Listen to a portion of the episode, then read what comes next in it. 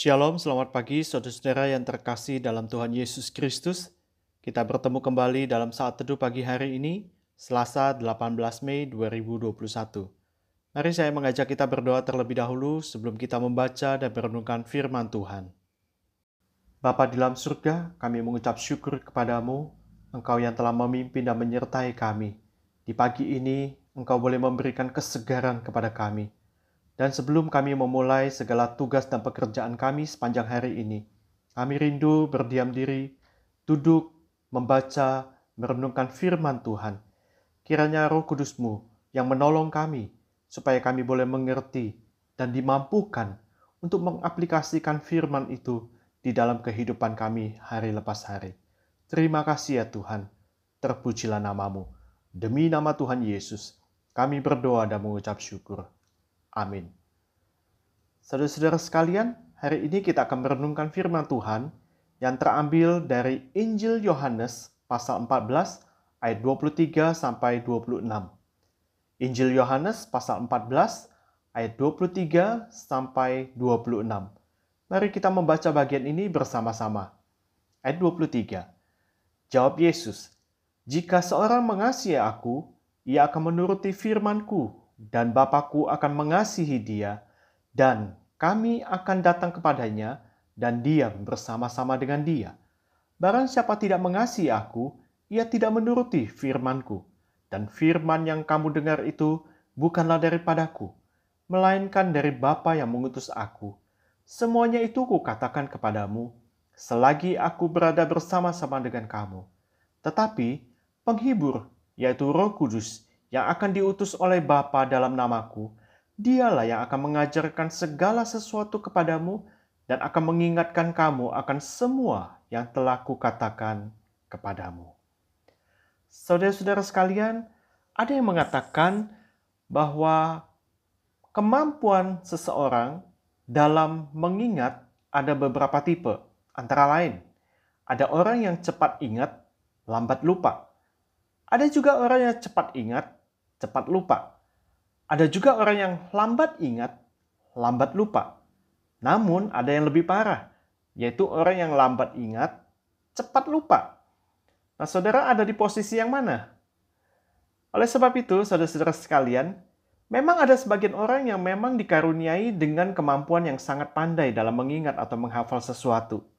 Tetapi ada sebagian lagi orang yang tidak terlalu bisa menghafal, namun ia mempunyai karunia di bidang yang lain. Nah, dalam sebuah penelitian, ada beberapa cara seseorang dalam menerapkan metode belajar yang efektif. Misalnya, ada empat hal. Yang pertama, mereka bisa belajar secara efektif, yaitu melalui visual. Nah, gaya belajar visual berfokus pada penglihatan. Saat mempelajari hal yang baru, biasanya tipe orang ini perlu melihat sesuatu secara visual untuk lebih mudah mengerti dan memahaminya lebih mudah untuk mengingat daripada apa yang dilihat, daripada apa yang didengar. Orang belajar secara visual lebih suka membaca daripada dibacakan. Lalu yang kedua, tipe orang yang kedua ini adalah belajar secara auditory. Jadi gaya belajar auditory ini lebih mengandalkan pendengaran sebagai penerima informasi dan pengetahuan. Orang tipe ini tidak menjadi satu masalah dalam tampilan visual saat mengajar. Yang penting adalah mendengarkan pembicaraan guru dengan baik dan jelas. Nah, gaya belajar auditory ini adalah orang yang senang membaca dengan mengeluarkan suara atau menggerakkan bibir mereka. Biasanya orang tersebut adalah merupakan pembicara yang fasih.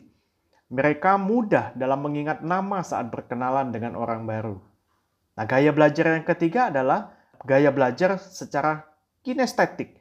Gaya belajar kinestetik ini lebih menyenangi belajar dengan melibatkan gerakan. Biasanya orang yang tipe ini merasa lebih mudah mempelajari sesuatu dan tidak hanya sekedar membaca buku, tetapi juga mempraktekannya. Dengan melakukan atau menyentuh objek yang dipelajari, akan memberikan pengalaman tersendiri bagi tipe orang yang belajar secara kinestetik.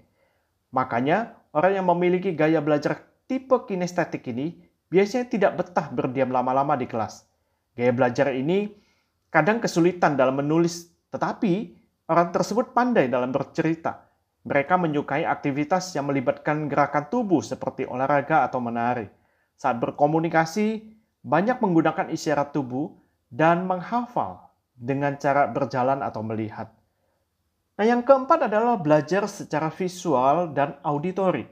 Gaya belajar ini merupakan gabungan dari keduanya. Nah, di dalam budaya orang Yahudi, mereka mendidik anak-anak mereka dengan mengajarkan secara verbal dan non-verbal. Kita dapat membandingkan itu misalnya di dalam ulangan pasal 6 ayat 4 sampai yang ke-9. Nah demikian firman Tuhan. Dengarlah hai orang Israel. Tuhan itu Allah kita. Tuhan itu Esa. Kasihilah Tuhan Allahmu dengan segenap hatimu dan dengan segenap jiwamu dan dengan segenap kekuatanmu. Apa yang kuperintahkan kepadamu pada hari ini haruslah engkau perhatikan. Haruslah engkau mengajarkannya berulang-ulang kepada anak-anakmu dan membicarakannya apabila engkau duduk di rumahmu, apabila engkau sedang berjalan, apabila engkau berbaring, dan apabila engkau bangun. Haruslah juga engkau mengikatkannya sebagai tanda pada tanganmu, dan haruslah itu menjadi lambang di dahimu, dan haruslah engkau menuliskannya pada tiang pintu rumahmu dan pada pintu gerbangmu. Dari sini kita dapat memahami bahwa bangsa Yahudi sangat kuat dalam menghafal firman Tuhan namun sangat disayangkan, mereka kehilangan pengertian akan esensi kebenaran firman Tuhan tersebut. Dan mereka lakukan adalah hanya menghafal secara harfiah. Mereka menghafal teks-teks yang tertulis saja. Maka sesungguhnya kita perlu memohon roh kudus untuk menolong kita mengerti dan memahami maksud dan esensi kebenaran firman Tuhan yang sebenarnya. Semenjak Tuhan Yesus memilih kedua belas murid, ia terus-menerus mengajarkan esensi firman Tuhan yang sesungguhnya. Khususnya bahwa semua kitab di dalam perjanjian lama itu berbicara mengenai dirinya. Dari kelahiran sampai kepada kebangkitannya.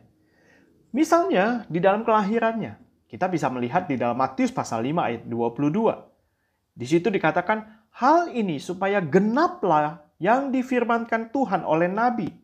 Sesungguhnya adat darah itu akan mengandung dan melahirkan seorang anak laki-laki dan mereka akan menamakan dia Immanuel, yang berarti Allah menyertai kita. Itu adalah berbicara mengenai kelahiran Tuhan Yesus. Kemudian di dalam kematiannya. Misalnya kita mengambil contoh di dalam Yohanes pasal 18 ayat 32.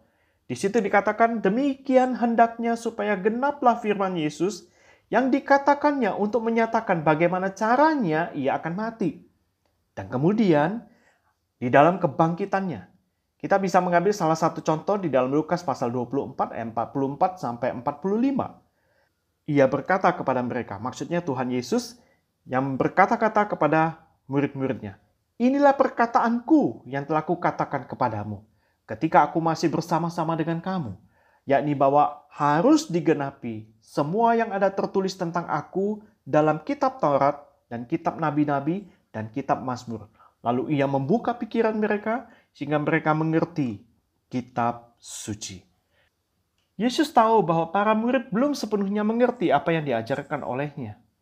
Maka ia berdoa dan meminta kepada Bapa agar Bapa memberikan penolong yang lain.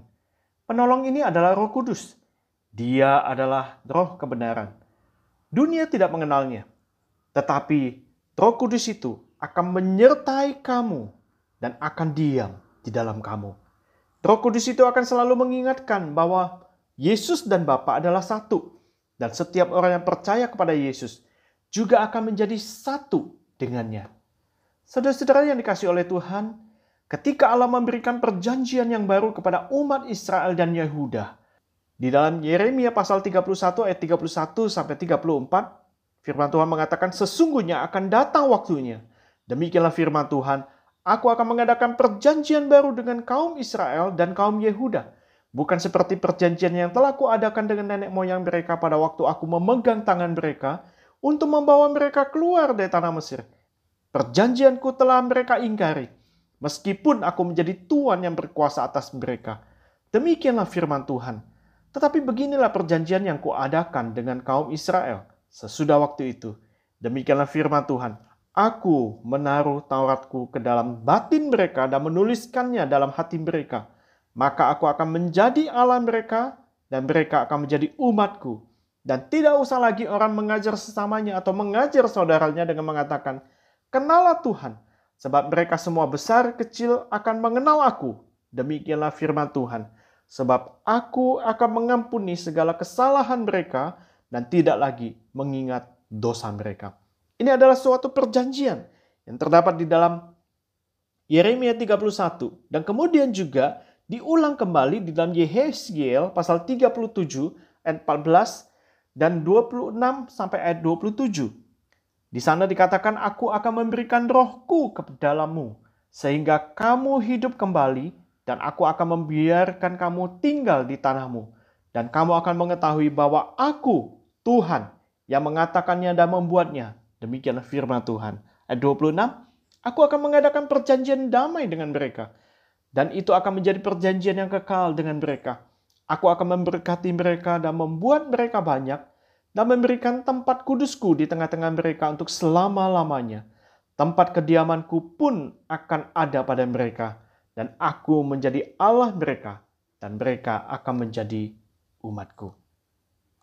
Saudara-saudara yang dikasih oleh Tuhan, ketika Allah memberikan perjanjian yang baru kepada umat Israel dan Yehuda, dia berjanji untuk bekerja di dalam hati dan pikiran umatnya. Perjanjian baru itu akan mulai berlaku setelah Yesus pergi kepada Bapa.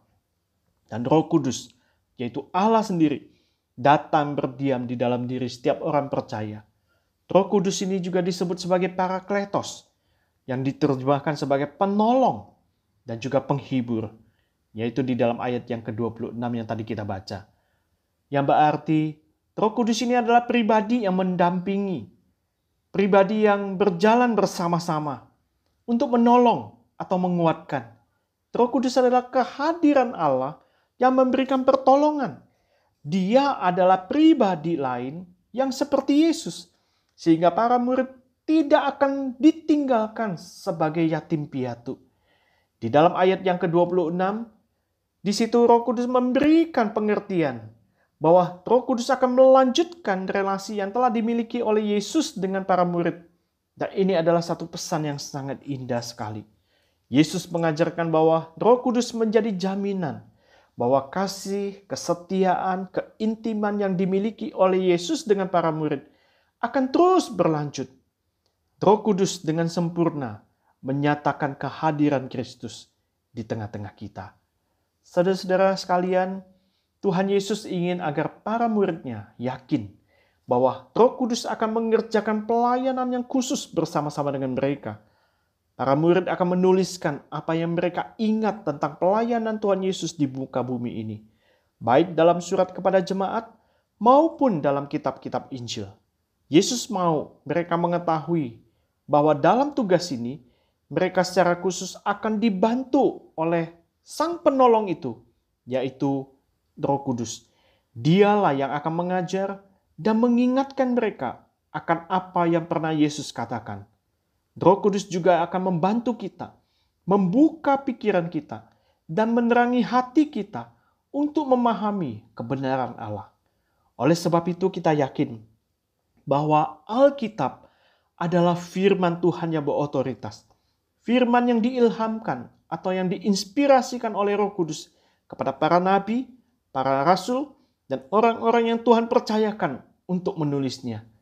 Maka dari situ kita perlu sekali mengandalkan Roh Kudus agar Dia boleh memberikan kepada kita pengertian, pemahaman akan kebenaran firman-Nya. Dan terlebih dari itu, kita diubahkan dan ditransformasikan hidup kita, dan pada akhirnya hidup kita berdampak bagi sesama. Amin. Mari kita berdoa. Bapa dalam surga kami bersyukur kepadamu untuk firman Tuhan yang boleh kami dengar. Kami membutuhkan roh kudusmu ya Tuhan, untuk mengerti akan kebenaran firman-Mu. Kami bersyukur Roh Kudus adalah penolong kami dan penghibur kami. Engkau adalah Allah yang setia yang tidak meninggalkan kami sebagai seorang yatim piatu di muka bumi ini. Tetapi Engkau adalah Allah yang beserta dengan kami. Terima kasih ya Tuhan, kiranya Roh Kudus boleh hadir di tengah-tengah kehidupan kami. Dan pada waktu setiap kali kami membaca merenungkan firman-Mu, Roh Kudus-Mu yang boleh mencelikkan mata rohani kami, membukakan pikiran kami, dan yang menerangi hati kami, sehingga kami boleh mengerti maksud firman Tuhan, dan juga kami boleh dimampukan oleh Roh Kudus untuk diubahkan hidup kami. Kami boleh membawa dampak di dalam setiap aspek kehidupan kami, membawa jiwa-jiwa baru datang kepada Kristus. Terima kasih ya Tuhan. Inilah doa kami yang kami panjatkan hanya di dalam nama Tuhan Yesus, penebus dan juru selamat kami yang hidup. Kami berdoa. Amin. Shalom, selamat pagi saudara-saudara yang terkasih dalam Tuhan Yesus Kristus. Kita bertemu kembali dalam saat teduh pagi hari ini, Selasa 4 Mei 2021. Mari saya mengajak kita berdoa terlebih dahulu sebelum kita membaca dan merenungkan firman Tuhan. Bapa di dalam surga, kami sungguh bersyukur Engkau telah memimpin dan menyertai kami di dalam istirahat sepanjang malam sampai dengan pagi ini. Dan Engkau telah membangunkan kami, memberikan kesegaran, kekuatan, dan bahkan kehidupan yang baru buat kami. Namun sebelum kami memulai segala aktivitas kami, biarlah kami boleh duduk berdiam diri, membaca dan merenungkan firman Tuhan. Biarlah Tuhan yang memberkati perenungan firman Tuhan pada pagi hari ini. Engkau yang memberikan hikmat bijaksana, pengertian kepada kami, untuk kami boleh melakukan firman-Mu, mengaplikasikan firman Tuhan di dalam kehidupan kami hari lepas hari.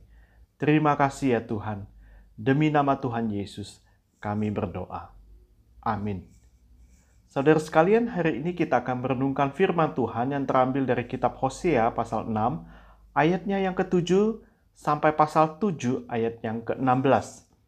Kitab Hosea pasal 6 ayat 7 sampai pasal 7 ayat 16. Mari kita membaca bagian ini bersama-sama. Kita mulai dari ayat yang ke-7. Tetapi mereka itu telah melangkahi perjanjian di Adam. Di sana mereka telah berkhianat terhadap aku. Gilead adalah kota para penjahat, penuh dengan jejak darah.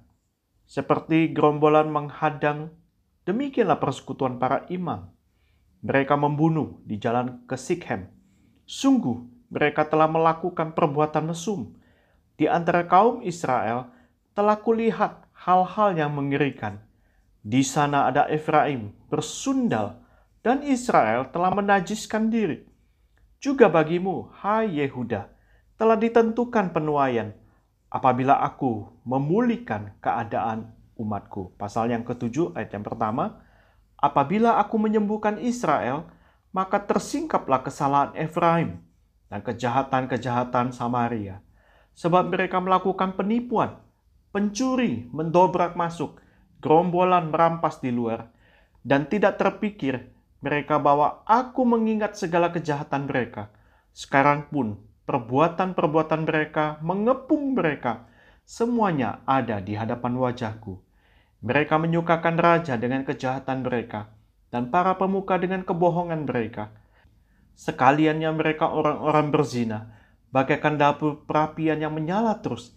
Ketika tukang bakar roti berhenti membesarkan apinya, sementara ia meremas adonan sampai menjadi muai oleh ragi.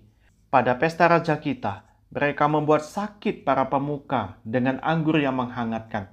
Ia bersekutu dengan para pencemooh. Batin mereka seperti dapur perapian. Hati mereka menyala-nyala. Semalam-malaman murka mereka surut. Pada waktu pagi menyala kembali seperti api yang menjilat. Mereka semua sudah panas seperti dapur perapian dan memakan habis para hakim mereka. Semua raja mereka sudah tewas. Tidak ada seorang di antara mereka yang berseru kepadaku. Efraim mencampur dirinya di antara bangsa-bangsa. Efraim telah menjadi roti bundar yang tidak dibalik. Orang-orang di luar memakan habis kekuatannya, tetapi ia sendiri tidak mengetahuinya.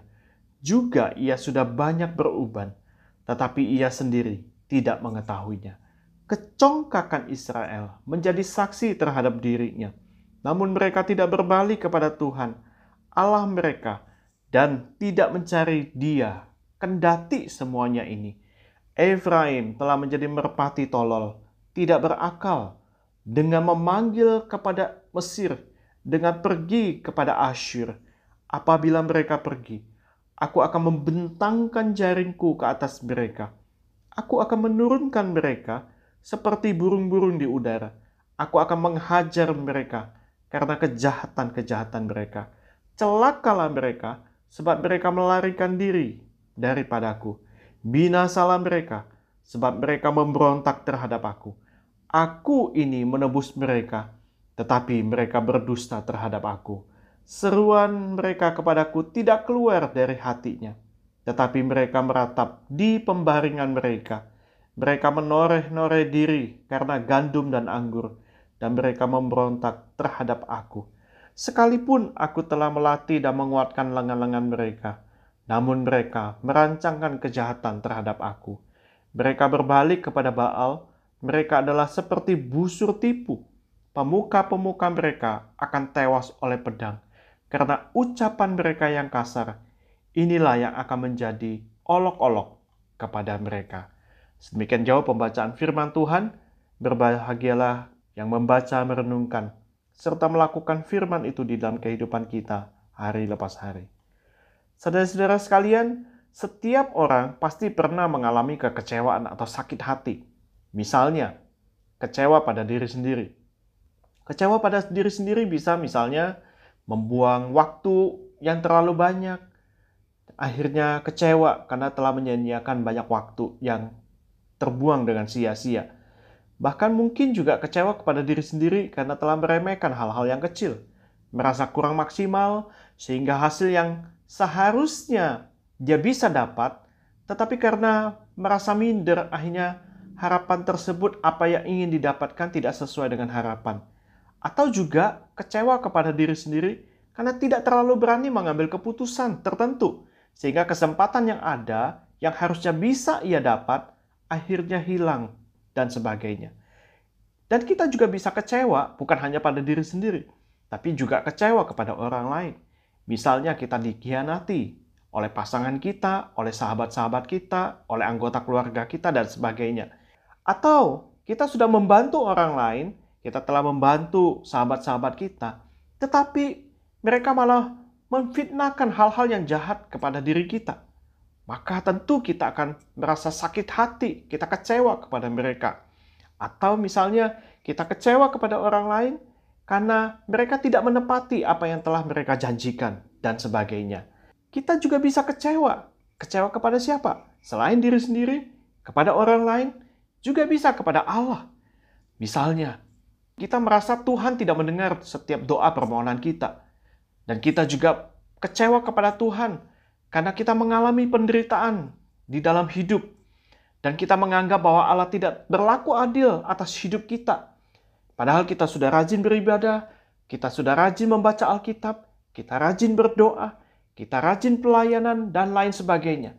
Tetapi hidup kita terus-menerus mengalami kesusahan, penderitaan dan sebagainya. Dan pada akhirnya kita kecewa kepada Allah. Saudara-saudara sekalian, Perasaan kecewa adalah hal yang sangat wajar dari natur kita sebagai manusia. Namun, pernahkah kita secara serius memikirkan satu hal, yaitu bagaimana kalau seandainya Allah itu kecewa kepada kita? Bagaimana kita meresponi akan hal tersebut? Saudara-saudara yang terkasih di dalam Tuhan Yesus, di dalam catatan Alkitab, Allah berkali-kali menyatakan kekecewaannya, sakit hatinya kepada manusia. Dan bahkan sakit hatinya itu, kekecewaannya itu ditujukan kepada umatnya sendiri. Umat yang dia pilih, umat yang dia kasihi.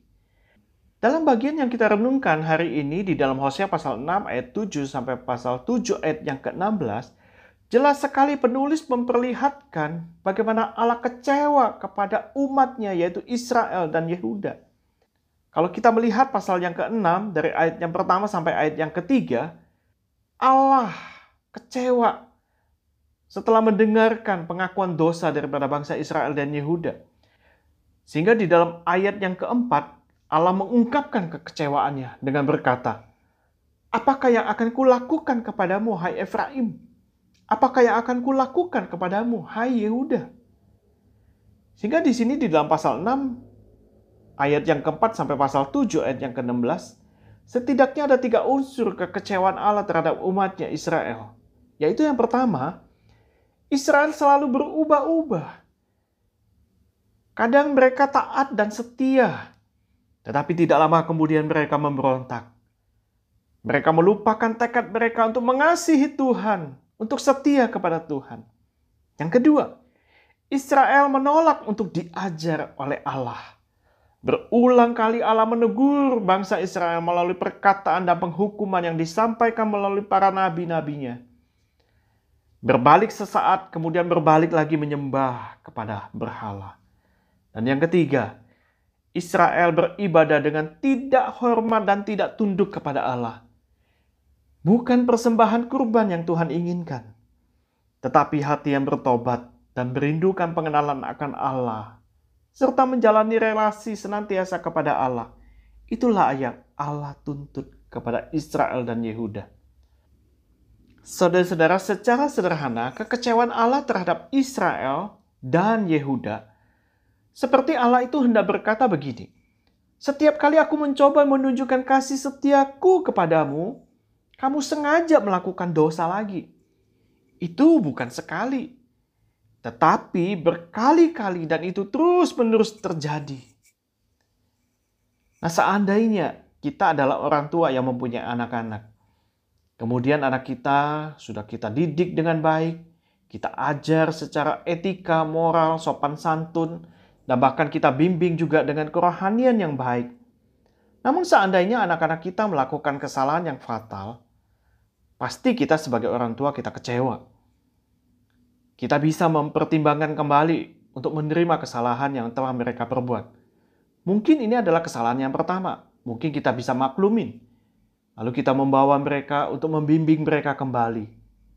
Dan kita memberikan kesempatan atas segala kesalahan yang telah mereka lakukan. Namun kalau seandainya tidak berapa lama lagi, kemudian anak-anak kita melakukan kesalahan yang sama. Dan bahkan mungkin kesalahan yang lebih fatal lagi. Dan itu terus berulang, berulang, berulang, dan berulang. Kalau seandainya itu terjadi sampai seratus kali, seribu kali, tentu kita akan kecewa dan kita bisa sangat marah. Dan mungkin kita bisa menghukum mereka. Saudara-saudara, Inilah yang terjadi pada bangsa Israel dan bangsa Yehuda. Mereka telah melanggar perjanjian atau covenant Allah. Orang Israel hidup dalam kekerasan atau kerusakan moral yang sangat bobrok. Bahkan para pemimpin agama hidupnya juga sangat rusak secara moral. Mereka melakukan pembunuhan, mereka melakukan perjinahan spiritual, dan mereka bahkan melakukan perbuatan mesum, perbuatan cabul, bahkan melakukan penipuan. Mereka menganggap bahwa hal tersebut adalah hal yang biasa. Mereka merasa tidak mempunyai satu tanggung jawab secara pribadi kepada Allah. Mereka melakukan apa yang benar menurut pandangannya sendiri. Penduduk Israel, para pemimpin agama, hidup dengan moralnya rusak. Demikian juga raja-raja Israel. Tidak ada bedanya. Mereka haus akan kekuasaan. Mereka mengajak orang, mengajak pemimpin-pemimpin agama, mengajak masyarakat, penduduk Israel untuk menyembah berhala.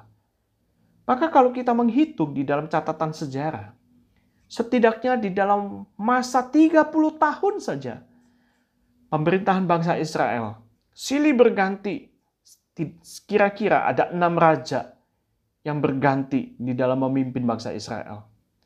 Mengapa hal ini bisa terjadi? Jawabannya sangat sederhana sekali dan sangat jelas, yaitu ada di dalam ayat yang ketujuh. Bahwa di sana tidak ada seorang di antara mereka yang berseru kepadaku. Tidak ada di antara mereka yang berseru kepada Allah. Betapa sangat menyedihkan sekali kondisi bangsa yang demikian. Dari tingkat pemerintahan yang paling tinggi, para pemuka agama, sampai lapisan masyarakat yang paling bawah, Israel telah sesat secara moral karena mereka telah menolak Allah. Oleh sebab itu tidak heran Nabi Hosea menggunakan empat gambaran di dalam pasal yang ketujuh untuk menggambarkan situasi bangsa Israel itu. Penulis menggambarkan bahwa mereka itu seperti dapur perapian yang panas di dalam ayat yang keempat. Roti yang bundar yang tidak dibalik, yaitu ayat yang ke-8. Seekor merpati yang tolol, ayat yang ke-11. Dan busur yang kendur, ayat yang ke-16. Sungguh satu gambaran yang memperlihatkan bagaimana bangsa Israel sebagai umat pilihan Allah tidak menjalankan fungsi mereka yang seharusnya menjadi berkat bagi bangsa lain. Saudara-saudara, jika kita menarik hal ini di dalam konteks gereja masa kini, maka ada bahaya yang besar bisa terjadi di dalam gereja ketika jemaat merasa bahwa dirinya sudah sungguh-sungguh mengasihi Tuhan, tetapi sayang, semuanya itu hanya dalam tanda kutip rasanya, hanya berasa sungguh-sungguh mengasihi Tuhan. Seperti misalnya, kita makan mie instan rasa bakso. Tetapi sebenarnya tidak ada baksonya sama sekali di dalam mie instan itu. Nah, perasaan mengasihi Tuhan ini cukup ampuh untuk menenangkan hati sesaat. Tetapi sesungguhnya kita sedang menumpuk kebohongan demi kebohongan. Mari kita jujur pada hati kita masing-masing.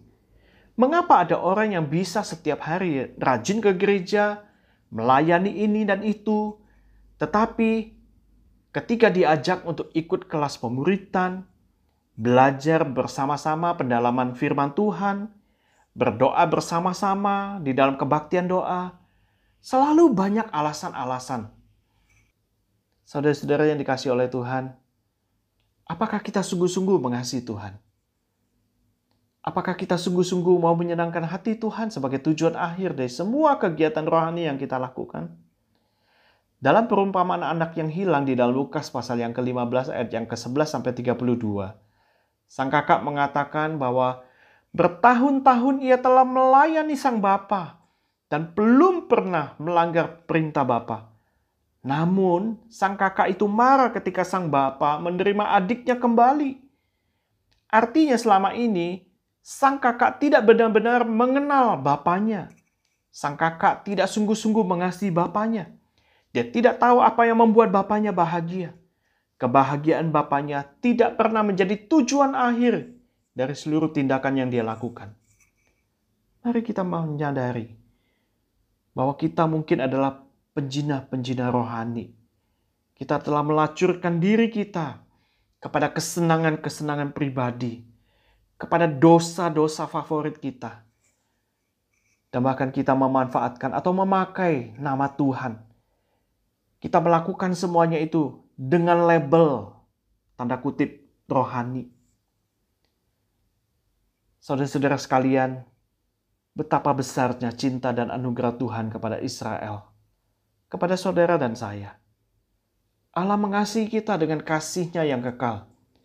Bukan karena apa yang ada pada diri kita, tetapi karena Dia adalah Allah yang setia yang memegang perjanjian dan kasih setianya kepada umatnya. Firman Tuhan di dalam Amsal pasal 3 ayat yang kelima sampai yang keenam berkata, Percayalah kepada Tuhan dengan segenap hatimu, dan janganlah bersandar kepada pengertianmu sendiri. Akuilah dia dalam segala lakumu, maka ia, yaitu Tuhan, akan meluruskan jalanmu. Saya mau mengajak kepada saudara-saudara sekalian kita mengambil waktu teduh sejenak. Kita berdoa berdiam diri di hadapan Tuhan.